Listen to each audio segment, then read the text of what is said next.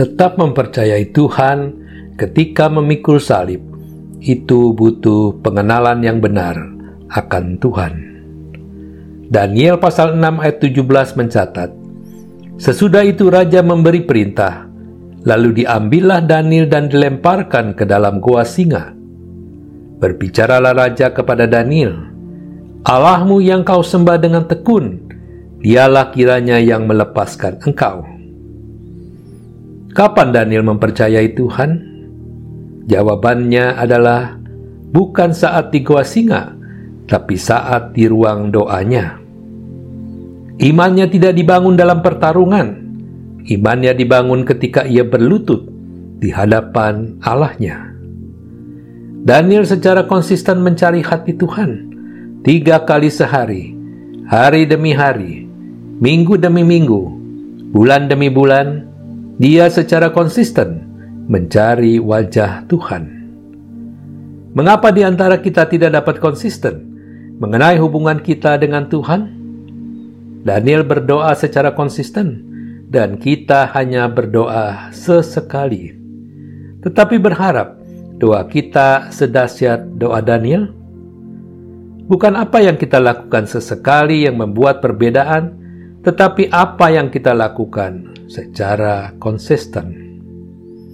Daniel membangun imannya secara konsisten hingga gua singa pun menjadi tempat aman untuk dia berdoa.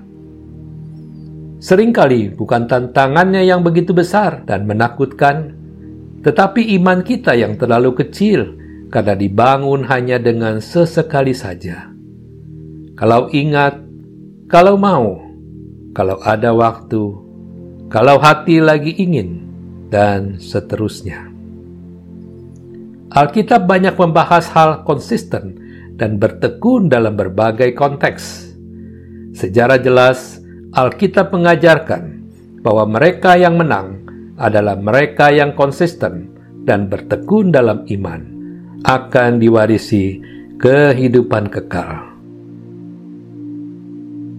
Pengertian yang sedang diajarkan adalah bahwa orang Kristen yang terus konsisten dalam kesalehan dan disiplin rohani akan semakin dianugerahi dengan ketekunan.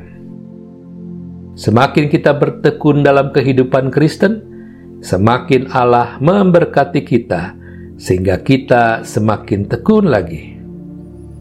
Mazmur pasal 19 ayat 11 mengingatkan kita bahwa ada pahala yang besar bagi mereka yang konsisten bertekun dalam kehidupan Kristen dengan memelihara perintah Allah.